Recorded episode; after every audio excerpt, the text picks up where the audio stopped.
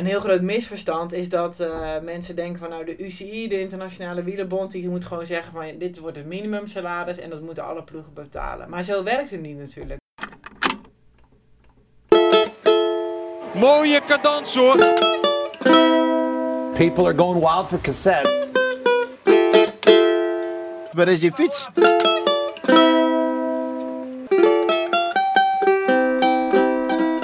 Is de allereerste aflevering van Cassette, een hagelnieuwe podcast met achtergronden uit de wielersport. Mijn naam is Benjamin de Bruin en vandaag ontvang ik... Daar komt ook hier een Slappendel. Wat de finale. Wat de finale. Haalt ze het of haalt ze het niet? Haalt ze het of haalt ze het niet? Doorrijden in. Oei, oei, oei. Het wordt hier een Slappendel. Hier een Slappendel. Wordt kampioenen van Nederland. Mis je het wel eens om wielrenster te zijn? Ehm, nou, dat valt eigenlijk wel mee. Maar eh, nu ik dit fragment eigenlijk voor het eerst echt zo terugluister, denk ik wel van Je had ja. het nooit eh, geluisterd of gezien? Nou, dat is al wel heel lang geleden. Ik denk net nadat het gebeurd is, eh, dat, na, net nadat ik kampioen ben geworden. Maar ehm, Want even, dit was het Nederlands kampioenschap in 2014. Eh Lucinda Brandt was jouw teamgenote en de regerend kampioene. En zou ook in 2015 weer kampioen worden. Ja. Ze was bezig aan een lange solo. Zou gewoon weer kampioen gaan worden. Althans, dat dachten de kijkers heel lang. En jij misschien ook wel. Lucinda was al eh, inderdaad twee ronden of zo, of drie ronden in ontsnapping. Ik weet het niet eens meer precies. Maar ik zat daar achter in een groepje. Net voordat mijn groepje eigenlijk bijgehaald zou worden door een ander groepje. Dat sprong ik weg. Ik denk 10 kilometer voor de finish of zo. En toen liep ik eh, meteen heel hard in op, eh, op Lucinda. En ik, had, en ik reed eigenlijk echt voor de tweede plek. En het was pas in die laatste paar kilometer dat ik realiseerde van... Nou, misschien eh, kan ik Lucinda nog wel bijhalen. En dat heb ik ook echt nog wel even een moment van vertwijfeling gehad. Van dat ik dacht van ja, dan ga ik nu mijn, mijn ploeggenoot eraf rijden. Kan dat wel? Maar ehm, ja, gelukkig... Nou, dat eh, denkt een wielrenner toch niet? ja, ik heb dat, dat is wel even door mijn hoofd gegaan hoor. Ja, maar gelukkig heb ik, dat, eh, heb ik daar niet naar geluisterd. Maar mis je het? Ik mis, ik mis het niet echt. Het- wat ik wel mis is, eh, en dat is wel grappig eigenlijk, Lucinda, die versloeg ik die dag. Maar aan de andere kant is het ook een hele, ja, ook wel een soort vriendin. En zo heb ik meer mensen binnen het wielrennen. En ook het deel, het deel uitmaken van een team. Eh, dat mis ik wel een beetje. Maar wat mis je er niet aan dan? Nou, het is vooral die wedstrijden, die vond ik ook best wel. eh, ja, het is ook wel veel stress. En ehm, op een gegeven moment wist ik ook wel precies eh, wat te verwachten in de wedstrijden. En ik had ze allemaal tien keer gereden. Dus ehm, ik miste die uitdaging en die, die, die dacht ik wel te kunnen vinden in ja, nieuwe ondernemingen. Ja, ja, maar je bent een jaar gestopt. Je hebt een eigen kledinglijn. Je bent de eerste vrouwelijke ploegleider bij een mannenploeg. Dat was in november in het nieuws. En, eh, en daar gaan we vandaag natuurlijk vooral over praten. Eh, je hebt een vakbond opgericht speciaal voor wielrensters. De Cyclist Alliance. Waarom is die vakbond nodig? Voor, voor twee dingen. Er zit gewoon nog steeds best wel weinig geld in het vrouwenwielrennen. En dat betekent dat, dat de meeste dames geen manager hebben. Dat ze contracten tekenen die eigenlijk, ja, die ze niet, waar dingen in staan die er niet in horen te staan. Eh, er is nog steeds weinig prijzengeld. Weinig, eh, weinig meiden worden nog echt betaald. Ehm, ja, zo, zo spelen er allemaal een beetje van die, eh, van die dingen die, die nog steeds gewoon heel veel beter kunnen. En ten tweede, terwijl die groei doorgaat, is het wel belangrijk voor de rensters om daar ook een stem in te hebben. En als je je niet verenigt als, als rensters, dan ga je ook geen stem hebben in die veranderingen die plaatsvinden. Dus eh, kijk, de UCI heeft nu een World Tour ingevoerd. Mhm. En eh, binnenkort, eh, volgend, per volgend jaar, komt er waarschijnlijk ook een ehm, two-tier system. Hè? Dus dan gaan ze met Ja. twee, eh, twee leagues werken.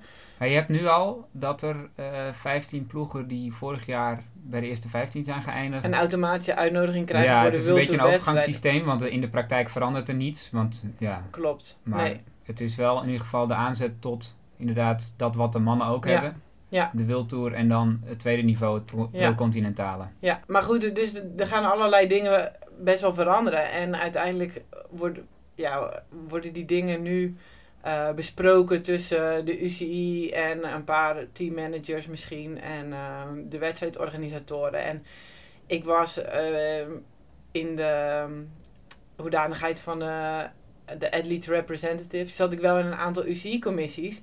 Maar als je niet, uh, ik vond niet dat ik echt een ware representatie was van het peloton. Het is ook het signaal dat je afgeeft. En nu we deze organisatie gestart zijn, worden wij zelf ook benaderd door de UCI. Dat is misschien nog wel voor, voor de progressie van het vrouwenwielrennen wielrennen het allerbelangrijkste. Je geeft een signaal af van, hey, je moet ons niet over het hoofd zien. Ja, zonder rensers is er geen dames wielrennen natuurlijk, geen vrouwen wielrennen. Dus zij zijn de allerbelangrijkste speler. En ik vind dat ze een grote stem moeten hebben in, uh, in alle beleid. Maar in juli 2016 schreef je al, in je column in Wielerrevue. Vrouwen verenigt u. Dus eigenlijk wat je nu zegt. Je begint al een beetje te lachen. Ik ben allergisch voor autoriteit, schreef je toen, en, ik, en heb een hekel aan onrecht. U kunt van mij aannemen dat dit een goede basis is om mijzelf regelmatig op te vreten van ergernis en in de nesten te werken binnen het vrouwenpeloton. Ja, dat klopt. Dat heb ik uh, een keer geschreven. En uh, dat is ook gewoon zo. Ik, uh, ik toen ben... zat je er nog middenin. Ja, en, en, en toen merkte ik ook wel van omdat ik een beetje slecht tegen onrecht kan, nog vooral als het uh, anderen betreft, dat. Uh, ja, niet als het om jezelf gaat. Nou ja, dat, dat vind ik ook wel vervelend. Maar ik vond het vooral heel vervelend als uh, ik zag dat uh, rensers in mijn ploeg bijvoorbeeld onjuist bejegend werden. En vervolgens niet daartegen konden opstaan. Omdat ze of de kennis niet hadden of angst hadden. Hè, want heel veel, er zijn gewoon nog heel aantal teammanagers die, die, die hun ploeg ja, leiden uit een soort angstcultuur.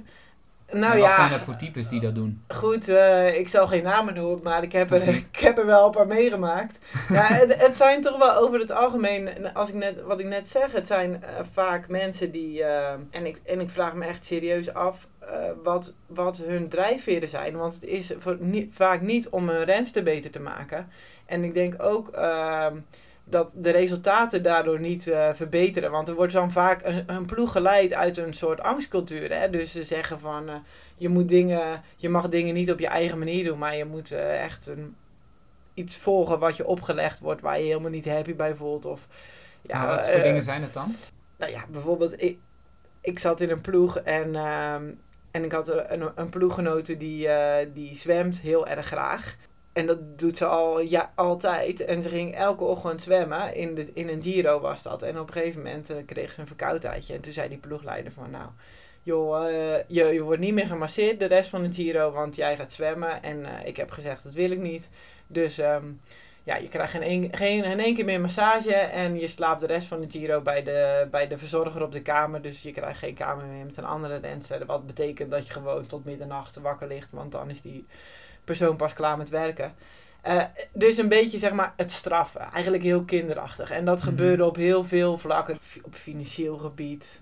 Dat je, um, ik heb zelf ook wel eens uh, boetes gekregen voor nou echt, echt de meest vreemde dingen. Dat ik een verkeerd t-shirt aan had of uh, dat ik zogenaamd iets met uh, schade had aangericht aan de teamauto. En daardoor werd mijn prijzengeld niet uitge uitgekeerd. Van die dingen dat je denkt van, nou ja, dat prijzengeld is ten eerste al helemaal niet van jou. En ten tweede, ik heb helemaal niet uh, schade aangericht aan die auto. Dat is gewoon onzin. Ja, ik, ik, heb geen zin om allemaal in van die details te treden. Maar dat, nee. is, uh, dat zijn gewoon dingen... Maar ook wel wat ik van andere rensers hoor. Gewoon ook seksueel getinte opmerkingen die gemaakt worden of heel persoonlijke opmerkingen voor de groep. Hè, dat is vaak nog het ergste. Dat, dat, je, dat je als renster een beetje gekleineerd wordt voor je ploeggenoten. Ja, hele, hele vreemde dingen dat ik denk van, ja, dit heeft toch absoluut niet iets met topsport of met een team of met samen een prestatie leveren te maken. We hebben de laatste maanden heel veel gehoord over die hele uh, MeToo. Mm -hmm. het, is, het, is, het is gewoon een soort, uh, ja trendy, trending topic, zou ik bijna zeggen. Maar dat heeft er wel uh, mee te maken dat.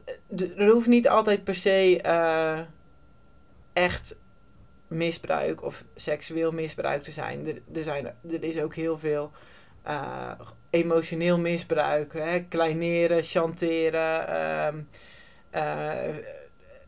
de, het, het gaat er gewoon om dat een renster die wil het allerliefste fietsen.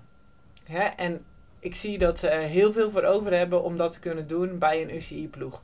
Hoe professioneel of super onprofessioneel zo'n ploeg ook is. En daar wordt gewoon door mensen gebruik van gemaakt.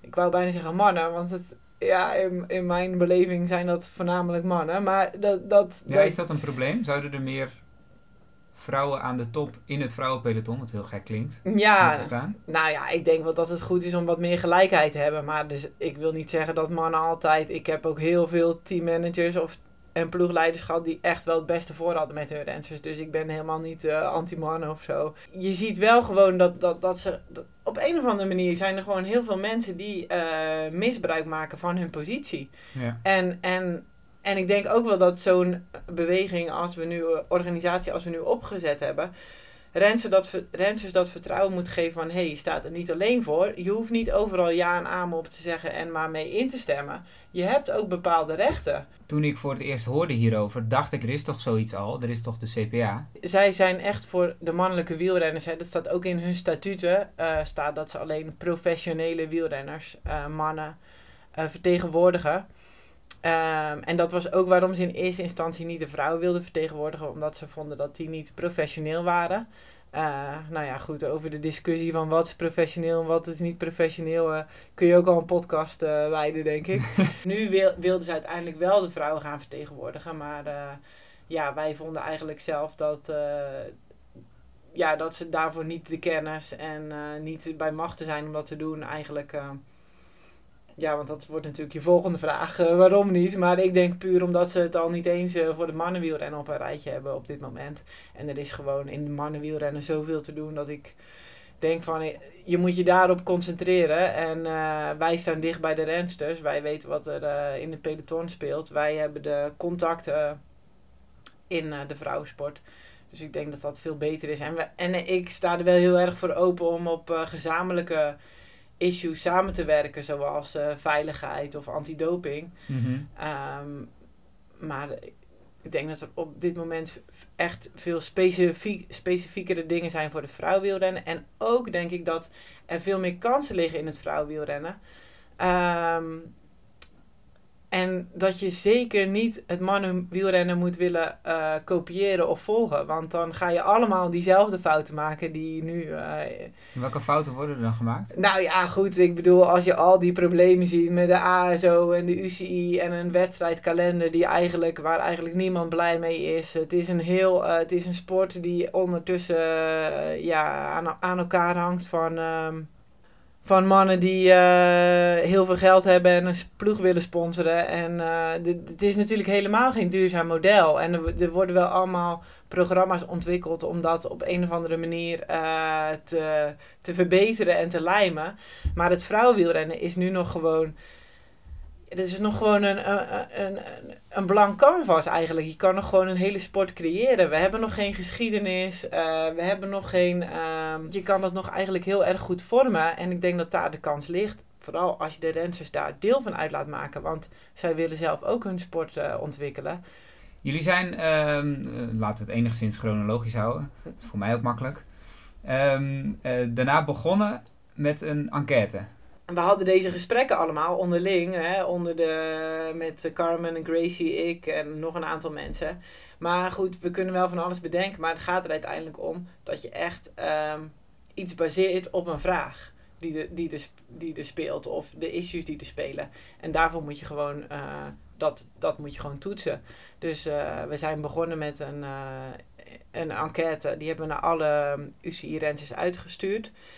Nou, er kwam vervolgens een enorme respons op. 50% heeft die enquête ingevuld. Nou ja, dat is gewoon een enorm aantal. En dat, dat, dat eh, laat. Dat liet natuurlijk die resultaten, die zeiden heel veel. Maar voor mij persoonlijk zei het ook heel veel. Dat zoveel rensters die enquête invulden en ook terugkoppelden van... Nou ja, we zijn zo blij dat iemand een keer aan ons vraagt van... eh, wat vinden wij nu eigenlijk belangrijk? Bepaalde cijfers, dat, dat is wel iets om van te schrikken. Bijvoorbeeld eh, vond ik opvallend dat 35% van de renners in het peloton student is. Ja, Dat is gewoon een bijbaan, in die Ja, zin. Want ja. Ik werkte bij, de, bij een elektronica gigant. Ja, dat, dat is ook zo. Ja, dat, en sowieso is het, eh, het aantal eh hoogopgeleide in de peloton heel erg hoog. Ja, Dus, eh, want het is niet iets... Ik bedoel, ik ging ook niet bij de elektronica gigant werken uiteindelijk. Dat wist ik ook al heel lang. Nee, maar ik denk eigenlijk bijna dat je het andersom moet zien. Ik denk dat die 25% studenten wel de, de ambitie hebben misschien om professioneel wielrenser te worden. Maar dat zij zich wel beseffen van, hé, hey, dit is niet iets waar ik, eh, wat een enorme eh, maatschappelijke carrière, of ik, hè, wat me financieel veel gaat opleveren. Dus ik moet wel zorgen dat ik ook ehm, mijn opleiding in orde heb. Want als ik na een paar jaar niet doorbreek met fietsen, en sowieso, ook als ik wel doorbreek, dan moet ik daarna ook nog gewoon aan de slag. Dus ik denk dat ze zich veel, eh, en dat is misschien ook wel iets wat vrouwen sowieso veel meer van zichzelf doen. Dus ze zijn veel bewuster bezig met de toekomst. En dat bleek ook wel echt uit die enquête. Bijvoorbeeld. eh, Dan mannen. ja, Dan mannelijke wielrenners, wie- wielrenners of mannen in het algemeen. nou, ik zal het niet eh, zeggen over mannen in het algemeen, maar misschien wel mannelijke wielrenners, ja. Ja, maar dat is, dat is ook een soort realiteitszin. Want als Tuurlijk. eh, eh, Dat is, maar dat is precies wat ik zeg. Het is gewoon de. Ik bedoel, toen ik eh, op mijn 17e ging fietsen, toen dacht ik ook niet van ik wil profwielrenser worden. Ik dacht, nou, ik ga gewoon lekker fietsen en ik ga kijken hoe goed ik erin word. Maar mijn ouders zeiden wel, die zorgden wel dat ik mijn opleiding afmaakte, zeg maar. En zelfs toen ik er op een gegeven moment van kon rondkomen, toen zei mijn vader nog elke week heb je nog gewerkt. En daar bedoelde hij niet wielrennen mee, zeg maar. Dus dat is ook, eh, het is niet echt eh, misschien nog een carrière, zeg maar. ehm. Nee, maar zit daar niet ook een. een ja, dat moet misschien groeien, maar dat moet je als 17-jarige misschien ook serieuzer gaan nemen. Om ervoor te zorgen dat dat in de breedte sterker wordt, dat peloton. En dus ook dat, er, nou ja, dat, dat het aan de rensters niet meer kan liggen, zeg maar. Ja, dat, dat, dat is ook wel zo. Maar eh, dat- ik denk dat dat een ontwikkeling is die hand in hand gaat. En, Ja. en persoonlijk, ook eh, bij de Delta Cycling Team waar ik ploegleider ben, eh, stimuleren wij ook om die jongens om een opleiding te doen. Want ik denk dat het gewoon hartstikke goed is. En zeker tot je... Wielrennen is geen sport waar je al op je 17 op je top moet zijn, zeg maar. Je hebt gewoon die jaren de tijd om, om, om dingen te combineren. G- dan gaan we verder even kijken. Ja, heel veel financieel, eh, financiële uitkomsten. 17% verdient niks. Ehm 29% van de rensters verdient minder dan 5000 euro per jaar. De helft minder dan 10.000 euro per jaar. Dat is omgerekend, 10.000 euro, dat is omgerekend 830 euro ongeveer. Dat Ja. is, dat is, Dus dat is nog niet, daar kun je eh, niet van bij rondkomen. lange na nog niet eens een minimuminkomen in Nederland. Nee, dat is eh, iets meer dan 1500 euro, geloof ik. Ehm, en 24% verdient wel het minimumloon. Ja. Dus, dus 24% van het peloton zit boven het minimumloon in Nederland. Ja, En dat is dus 1500 euro. ja. Wat, wat moet er allemaal gaan veranderen? Wil je een vrouwenpeloton krijgen dat gewoon volledig het minimumloon verdient? Minimaal. Nou, het eerste wat moet veranderen, en dat is nu gebeurd, is dat je als rensers een, jezelf verenigt. Want nu dit gebeurd is, nu gaan de ploegen zich ook verenigen. Die gaan nu ook met elkaar praten van, hé, hey, eh, die rensers die, eh, die, zijn, die hebben iets opgezet. Wij gaan ook iets opzetten. En wij stimuleren dat ook heel erg. Hoor. We hebben zelf ook teammanagers benaderd van, joh, Ja, er komt ook zo'n vakbond voor eh, Ja. ploegen? Ja, dat gaat zeker wel komen. Daar ben ik van overtuigd. En ik denk al echt binnen een jaar. En dan kun je samen aan tafel gaan zitten. En dan kan je tot overeenkomsten ko- komen. Een heel groot misverstand is dat eh, mensen denken van... nou, de UCI, de Internationale Wielerbond... die moet gewoon zeggen van... dit wordt het minimumsalaris... en dat moeten alle ploegen betalen. Maar zo werkt het niet natuurlijk. De UCI is slechts een regelgever. Zij bepalen de, de regels... maar ze bepalen niet... eh, ze betalen, bepalen ook bij de mannen niet wat een minimuminkomen is. Dat moet je als werkgever en werknemer onderling afspreken. Wat is realistisch? Er zijn, er zijn volgens mij maar vier ploegen die een eh, budget hadden van eh, boven de van een miljoen of meer. Dus ehm, ja, dat is natuurlijk ook een enorm verschil Ja, met en een gemiddelde ploeg heeft 10 rensters Ja, ongeveer. 12 rensers. Ja, dus ja, kun je daar alle rensers en, en het personeel van, van betalen en een, eh, volledig wedstrijdprogramma rijden. Eh, ik denk dat het heel, een, een, een heel goed ding is dat de UCI die, die, die twee divisies gaat eh, instellen. Want dan kun je wel zeggen van oké, wil je als ploeg in die eerste divisie?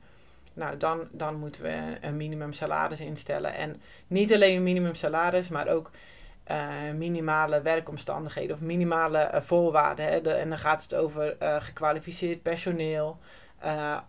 alle onkosten worden vergoed.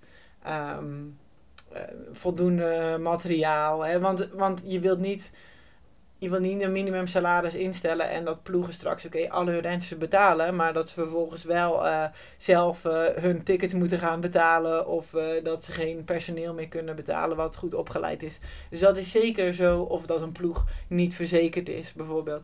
Dat is zeker net zo belangrijk. Dus hoe ik het voor me zie is twee divisies en die tweede divisie dat is een soort, wordt een soort continentale divisie misschien met meer opleidingsploegen, bij wijze spreken, die wel aan die minimale ehm, voorwaarden voldoen. Om een professioneel klimaat te creëren, maar geen verplichting hebben met een minimumsalaris. En dan heb je die, die World Tour teams, of hoe je het noemt, die wel een minimumsalaris. Uh, maar eh, en wat, is, wat, is, wat zou realistisch zijn? Hoe groot moet die World Tour selectie dan zijn? Nou ja, ik denk op dit moment uh, dat daar misschien acht ploegen voor de aanmerking komen. Heel misschien tien. Een kleine ode aan Anna van der Breggen, de beste wielrenster van deze planeet. Afgelopen zondag won ze voor de tweede keer de Giro Rosa. Eerder dit jaar won ze ook al de Waalse Pijl, Luik en de Amstel Gold Race. Als je zoveel wint, dan ben je geen wielrenner, dan ben je de nieuwe kannibaal. In haar woonplaats Hasselt weten ze van gekkigheid niet meer hoe ze haar moeten huldigen. Want ze hebben het al zo vaak gedaan. Waarom is er dan zo verdomde weinig aandacht voor op radio en tv, hoor ik u denken. En daar hebt u natuurlijk gelijk aan. Tijdens de Giro Rossa moesten we het doen met sumiere stukjes in de krant. En iedere dag een zeer moeilijk te vinden vlekkerig stukje bewegend videobeeld op YouTube.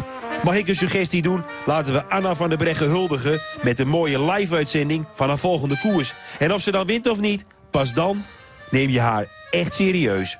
Ja, ze slaan de spijker op zijn kop. Het is een uitzending van uh, op NPO Radio 1 nadat ze dus de Giro had gewonnen.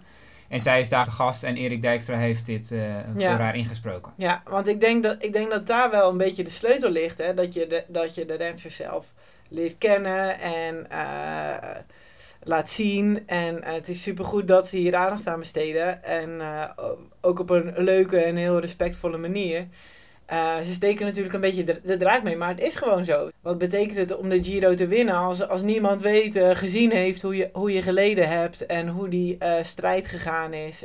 Wat, wat, hoe, hoe gaat dat economische model er uiteindelijk uitzien? Hoe, hoe ga je ervoor zorgen, hoe gaan jullie ervoor zorgen dat, dat er inderdaad genoeg geld is, dat, dat, dat het op tv komt of dat het op een eigen platform komt? Wat, wat heel belangrijk is, is de, zijn de beeldrechten van de rensters.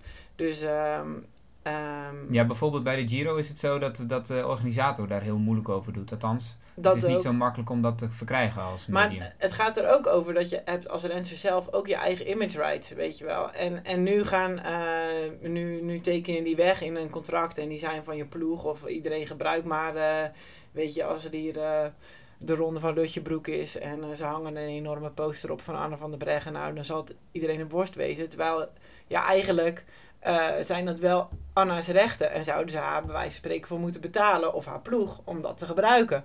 Um, nu zijn die beeldrechten nog weinig waard, omdat er niks uitgezonden wordt. Maar als het wel komt, dan kun je die uh, ten gelde maken, zeg maar. Viv Pro dus dat, heeft dat heel slim gedaan in het, in het verleden met uh, gaming. Hè? Dus zij hadden de, de beeldrechten van de voetballers. Ligt ietsje ingewikkelder hoor, maar in elk geval, ja, toen wilde, toen wilde hoe heet dat voetbalspel? Maar in elk geval. Uh, FIFA, toch? Ja, FIFA, ja. die wilde een voetbalspel met al die voetballers. Nou ja, en uh, FIFA Pro zegt van ja, die, die, rechten zijn van ons, dus je moet er gewoon voor betalen. Nou ja, dat is best wel heel goed gegaan vervolgens met, met FIFA Pro en ook met de spelers. Dus die, die profiteerden daar direct van. En dat is denk ik een, een, een wat meer duurzaam model. we zijn al in gesprek met mogelijke mediaplatform. Um, maar dan kijken we dus niet echt naar wat, wat er nu bestaat voor de traditionele tv. Want ik denk ook wel dat die traditionele tv op dat niet zo super lang leven meer beschoren heeft. In elk geval zit daar niet e zitten daar niet echt veel kansen. Het gaat er veel meer over uh, de on-demand en uh, live, uh, free-to-air mm -hmm. media, denk ik. Um, misschien moeten we wel onze eigen league creëren. En met een media daaraan nou, een soort. Amerikaans systeem van ja. wat de NBA bijvoorbeeld doet. Ja, ja. Maar dat, dat, dat... En dan heb je bij wijze van spreken helemaal geen UCI meer nodig. Dan controleer je als rensters en als ploegen en als organisatoren gewoon zelf je sport. Maar goed, eh, ja, dat is iets, eh, dat is iets waar, waar we wel zeker wel eh, over nadenken en mee bezig zijn. Want dat was in eerste instantie een jaar geleden niet het eerste wat bij me opkwam. Maar als je kijkt van ja, hoe kun je echt het vrouwenwielrennen ehm ja, transformeren of zeg maar hè, echt veranderen, dan is dit misschien wel de manier. En dan ga je dus ook letten of kijken naar bijvoorbeeld eh, eh, andere vormen van koersen, dat soort dingen.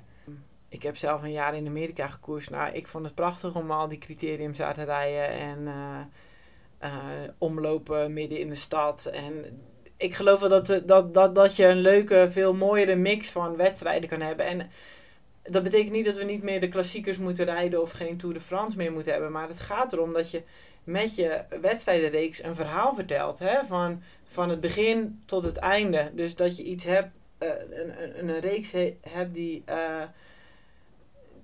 die leidt tot een ultieme finale, het WK bijvoorbeeld. Maar dat, dat er wel een soort ehm, een verhaallijn in zit, zeg maar. En dat je de beste rensters in de beste wedstrijden hebt. En niet eh, nu eh, zomaar lukraak wedstrijden toevoegt aan een World Tour kalender. ehm, die dat wel kunnen betalen of dat prijzengeld kunnen betalen. Maar die bijvoorbeeld nu al gaan overlappen. Ja, wat, wat zit er dan voor visie achter? Snap je? Mhm. Dat, eh, ik denk dat dat helemaal niet eh, per se goed is voor de sport. En dat betekent ook dat die, die, die tweede divisie wedstrijden, of die niet World Tour wedstrijden, of, of hoe je het ook gaat noemen, dat die zeker ook heel interessant worden. En dat ook ehm, eh, dat, dat, dat, dat op een gegeven moment wel weer een versterkend effect heeft. Dat die ook eh, ehm, ploegen aantrekken en rensters en media. Dus eh, als ik het eh, mag samenvatten. ehm, het gaat erom dat, dat rensters en ploegen zich moeten verenigen. Ja. Vanuit die sterke positie samen modellen bedenken. Die, eh, nou, onder leiding van jullie dan misschien. Die ervoor gaan zorgen dat er meer geld binnen gaat komen. Dus dat rensters beter beschermd zijn in hun rechten. Dat er, dat er goed naar contracten wordt gekeken. ehm, dat het daarom voor sponsors ook interessanter is om, eh, om in te stappen. Om, omdat dat gewoon meer geld waard is.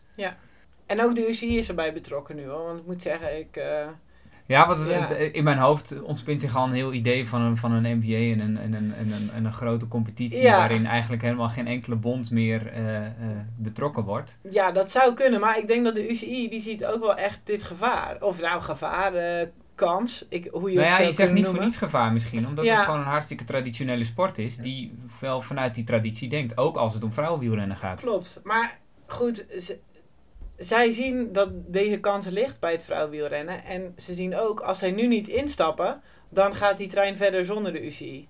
En ik denk dat dat ook echt zo is. Dus het is, het is ook eh, gewoon voor ons van, eh, oké, eh, take it or leave it. Hè, wij presenteren dit plan aan jullie. Ze zijn er zeker wel heel enthousiast over. Maar willen ze erin meedoen, dan moet er ook wel echt actie komen. En dan moet er ook wel echt vlot actie komen. En niet weer twee vergaderingen per jaar. En over vier jaar gaan we misschien eens een keer een twee divisiesysteem invoeren. Nee, dat moet gewoon binnen twee jaar geregeld zijn. Hoe, Eh, hoe maak je ze dat duidelijk? nou, ehm, door gesprekken. Deze enquête heeft ook wel echt wat ogen geopend, moet ik zeggen, bij de UCI. En het gaat er ook wel een beetje om, en dat is ook nog wel een stukje politiek, eh, ja, wat ik nu ook weer van alles over leer. Dat is ook voor, voor mezelf wel weer super leerzaam, zo'n zo'n traject. Maar ja, met de juiste mensen praten. En er is natuurlijk een hele grote verandering eh, geweest bij de UCI. Er is een nieuwe president, David Lapachent. Ehm die ook die kans ziet in het vrouwenwielrennen. Want dat is ook zo. Uiteindelijk wil iemand zichzelf ook eh waarmaken als president. En hij ziet ook wel dat het heel moeilijk is om. Ja, want ik heb het programma van Koeksen nog eens nagelezen. Het was een beetje een vage algemene term, maar die had het vrouwenwielrennen toch ook in zijn ja, die, programma staan. Die wilde ook een minimumsalaris invoeren, ja. Maar goed, eh, ja, dan had hij wel echt iets harder aan moeten trekken, denk ik. En, en, en dat is wel een beetje wat iedereen vergeet. En ook de CPA, maar ook de UCI. Je moet met de rensters zelf praten. Zij zijn de sport. Zij, zij moeten niet vergeten worden. En eh, die rensters zelf, die willen echt wel een verandering. Ik denk dat wij met een heel goed plan zijn gekomen. Dat hebben we niet... eh, gepubliceerd of zo, want het is een soort werkplan. Hè? Eh, daar hebben we, dat hebben we wel laten zien aan een aantal mensen binnen de UCI, onder andere La Patiënt. En zij zijn er gewoon enthousiast over. En ze zien gewoon dat wij eigenlijk het werk hebben gedaan. En nu, nu moeten zij, uh, als ze willen, kunnen ze daar actie op laten volgen. Als ze het niet willen, nou ja, dan gebeurt denk ik uh, sowieso toch wel. Als je nou één ding zou mogen kiezen, wat, wat, wat, wat zou je dan als eerste realiseren? Zeg maar? wat, als, je, als je één ding zou, morgen komt het uit, zeg maar. Wat zou het eerste zijn? Nou, dat die echt die minimale werkomstandigheden verbeterd worden. Dus dat de rensters echt een eerlijk contract hebben. Um, gediplomeerd uh, personeel in een ploeg werkt. Dat hun onkosten worden vergoed. En vooral dat als er dingen gebeuren die niet door de beugel kunnen, dat er dan ook actie op volgt. Over vijf jaar, waar staat het damespeloton dan? Nou, ik, ik uh, denk wel echt dat je over vijf jaar die, die twee divisies zult hebben. En dat er een minimum salaris is. Dat, dat denk ik, dat hoop ik zeker. En uh, dat er een meer duurzaam model is aan de hand van die uh, me media kansen. Um, waar de rensers zelf van profiteren. Dat terugkomt bij de rensers. Dat, daar zie ik het uh, vrouwenwielrennen. En ik denk dat het zeker wel echt heel realistisch is binnen vijf jaar. En daarnaast Iets anders, wat ik ook heel erg tof vind, waar we aan werken, is een soort mentorprogramma. Omdat de renners gewoon heel bewust zijn over wat straks als ik 30 ben en ik, uh, en ik ga niet meer, uh, ik ben geen profielrenser meer, dat ze ook ondersteund worden in die transitie naar de gewone maatschappij. Um, maar het mentorprogramma gaat ook, uh, dat is tussen ervaren rensters en, en ja, jonge rensters. Het werkt twee kanten op. Dus we willen in eerste instantie een ervaren renster aan een jonge renster koppelen. Want er is geen uh, opleiding om wielrenster te worden. Dat is, gaat allemaal op basis van ervaring. En het is zonde dat, dat rensters dat niet, vaak niet onderling uitwisselen. Dus we willen daarvoor uh, die rensters aan elkaar koppelen. Maar die, die ervaren renster, die dus de mentor is van die jonge renster die, wordt dan weer, die krijgt dan weer een mentor, bijvoorbeeld uit het bedrijfsleven, of, uh, op, of die, kunt, die kan punten verzamelen waarmee ze uh, een opleiding kan doen, bijvoorbeeld tot ploegleidster, of tot mechanieker, of tot verzorger, of tot fotograaf. Uh, weet ik veel, iets waar haar interesse ligt. Um, ik denk dat dat heel tof zou zijn, want dan kun, dan kun je al veel beter bezig zijn met die transitie naar, naar de maatschappij weer. Iris, bedankt dat je te gast wilde zijn in deze eerste aflevering van Cassette. Graag gedaan. En ook iedereen die luistert wil ik bedanken. Ik ben heel benieuwd wat jullie vinden van dit debuut. Um, dat kun je me laten weten via de sociale kanalen. Of een mail naar cassette.benjamindebruin.nl Tot de volgende! I am woman, hear me roll in numbers too big to ignore. And I know too much to go back